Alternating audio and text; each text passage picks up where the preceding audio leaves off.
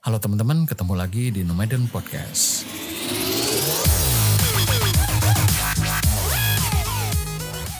Podcast kecil-kecilan yang membahas hal-hal kecil di sekitar kita yang mungkin memiliki arti lebih dari apa yang sekedar kita tahu. Halo teman-teman, semoga sehat selalu. Nah, kali ini kita bakal ngobrol tentang algoritma sebuah aplikasi yang punya stigma di pandangan sebagian orang.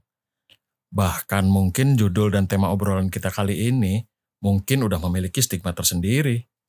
Di ngapain aplikasi gituan dijadiin bahan obrolan gitu ya.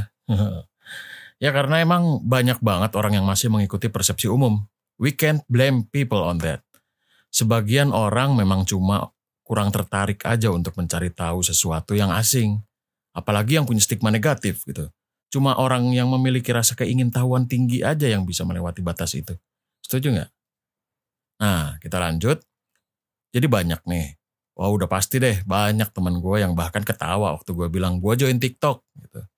Pandangan matanya langsung nyinyir. Gue gak bisa menyalahkan mereka atas sesuatu yang mereka tahu secara umum gitu ya. Dari stigma itu tadi. Karena dulu pun gue begitu. Ada salah satu teman gue yang jadi influencer di TikTok nih. Kontennya ya joget. Jadi kalau dulu gue ditanya punya TikTok apa enggak ya gue jawabnya juga pasti peoratif gitu. Agak nyinyir gitu ya. Ngapain punya aplikasi alay kayak gitu ya kan. Ya karena berdasar orang tahu, ini aplikasi yang isinya joget-joget. Orang yang kurang suka joget-joget bakal ya ngapain gitu loh.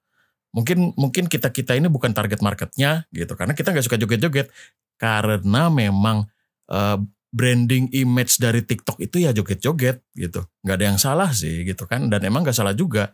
Artinya kalau orang sengaja bikin akun TikTok cuma buat nyari dan lihat orang joget jelas valid gitu orang konten kreator yang melejit lewat apps ini juga terkenalnya kan lewat video jogetnya. Gitu. Jadi benar-benar make sense. Itu semacam impresi umum gitu ya. Ya seperti obrolan pembuka kita tadi lah kira-kira. But then aplikasi sosmed itu kebanyakan memang didesain untuk bisa menuruti preferensi penggunanya. Gitu ya. Jadi benar-benar custom. Halaman home gua mungkin nggak sama dengan halaman home lo yang punya interest berbeda. Kira-kira begitu. Dan waktu gue bikin akun TikTok pertama kali bulan lalu, ya gue bikin akun TikTok kira-kira sekitar pertengahan Januari gitu ya. Gue pengen tahu ini aplikasi seperti apa gitu. Sekeren apa gitu fiturnya, punya algoritma iklan yang kayak gimana. Apa yang mereka tawarin sampai se-Indonesia mau joget di situ. Dan yang ada sekarang malah halaman FYP gue gitu. FYP itu for you page, itu istilah beranda di TikTok itu dipenuhi hal lain selain video joget gitu. Isinya ada tutorial segala macam gitu ya, tips dan trik, web development, desain UI UX, investment dan lain-lain gitu. Konten joget yang muncul di FYP gue tuh paling cuma satu dua video gitu. And you know what? I'm loving this app now gitu. Karena simply gue suka basic algoritmanya.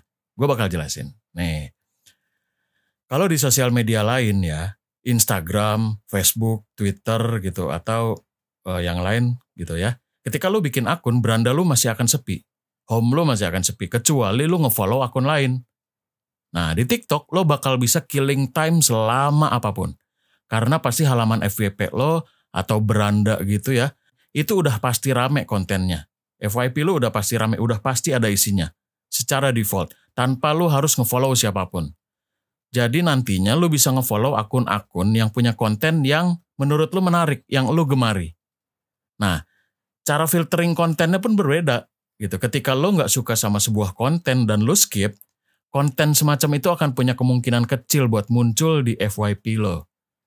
Gitu. Sebaliknya, jika sebuah konten itu menarik buat lo dan bikin lo nonton sampai habis bahkan ngulang, konten seperti itu bakal muncul lagi.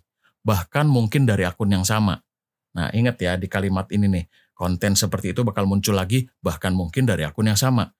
Sehingga ngasih lo second thought untuk ngefollow akun tersebut. Gitu ya, karena mungkin aja lo tipe user yang gak mudah interest sama seorang kreator gitu ya, cuma dari satu konten, cuma dari salah satu konten gitu ya. Maka TikTok tuh akan menampilkan konten yang serupa dari akun tersebut. Karena bisa aja sebuah akun punya konten yang palu gada, let's say dia ada konten joget, konten informatif, konten kocak, dan konten yang lu minati. Nah kerennya, hanya konten dari dia yang lo minati inilah yang muncul. Cool nggak tuh? Ya. Nah kalau tadi gue bilang sebuah konten kalau lo skip dia akan punya kemungkinan kecil lagi buat muncul di FYP lo. Beda sama ketika lo ngeklik tombol not interested. Ketika lo mengklik tombol tersebut, maka konten yang serupa nggak akan nongol lagi dari akun mana pun. Sounds familiar yet? Nah, betul sekali. Sampai sini lo akan mulai bisa menerka basic algo ini mirip dengan YouTube. Bisa jadi karena sama-sama mengandalkan konten video sebagai UGC-nya, ya user generated contentnya. Walaupun TikTok memiliki keunikan sendiri buat naikin engagement-nya. Nah, kalau di TikTok tapi ada sedikit yang unik nih, bahkan mungkin agak sedikit membingungkan ya. Karena algo sosmed itu penting banget buat profesi digital marketing, dan sampai sekarang gue belum selesai nih nyusun insight gue untuk aplikasi ini. Gue lagi nyusun artikel insight gue.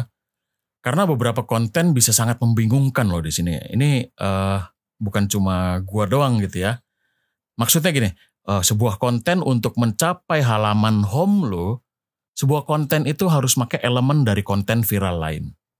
Gitu. Dan konten viral ini haruslah konten yang lo minati. Ya, bisa aja soundnya, bisa videonya, bisa filternya dan sebagainya. Plus tambahan hashtag yang menurut mereka uh, para kreator di sana itu lima hashtag. Yaitu tiga hashtag dengan engagement besar dan dua dengan engagement kecil gitu ya. Normalnya dengan mengikuti flow itu jika konten itu keren dan menarik engagement berupa view, likes atau komen gitu ya. Walaupun cuma dari beberapa orang follower, bisa dipastikan konten itu bisa tampil di FYP lo dan lebih banyak orang dan seterusnya. Seperti snowball effect aja. Gitu ya. Tapi yang gue bilang, konten yang membingungkan tadi adalah konten yang tanpa sound tertentu, tanpa caption, tanpa hashtag, dan isinya cuma video random yang gak jelas. Bisa cuma gambar pot depan rumah, atau gambar genteng, atau tetesan hujan yang sama sekali nggak estetik gitu ya. Tapi tampil di halaman FYP lo. Itu dengan dengan pas gitu tampil, lo lihat view-nya itu udah puluhan ribu. Bahkan ketika lo klik kolom komennya karena lo ingin mencari tahu ini konten apa, itu isinya komentar pertanyaan dari user yang juga ikut bingung gitu walaupun ini gue coba cari tahu gitu walaupun gue udah ada mungkin beberapa asumsi tentang konten tanda kutip membingungkan ini tapi gue masih cari tahu lebih lanjut supaya lebih valid gitu ya nah dengan basic insight algoritma TikTok ini juga dengan research dari dari tim sosmed sebuah agensi bisa aja ngejalanin campaign dari brand klien gitu walaupun beberapa brand mungkin karena satu dan lain hal masih gue lihat belum optimal gitu di sini. Karena emang banyak banget yang harus dalam tanda kutip dibaca dari cara bekerja algo TikTok ini. Gitu ya. Dan anyway, segitu dulu obrolan kita. Kita akan bahas lagi nanti dari sisi konten kreatornya di sana dan fitur yang bikin kreatornya betah di situ. Thank you banget udah mampir di Nomadin Podcast. Gue Indra pamit undur diri dan kita ketemu lagi di episode selanjutnya.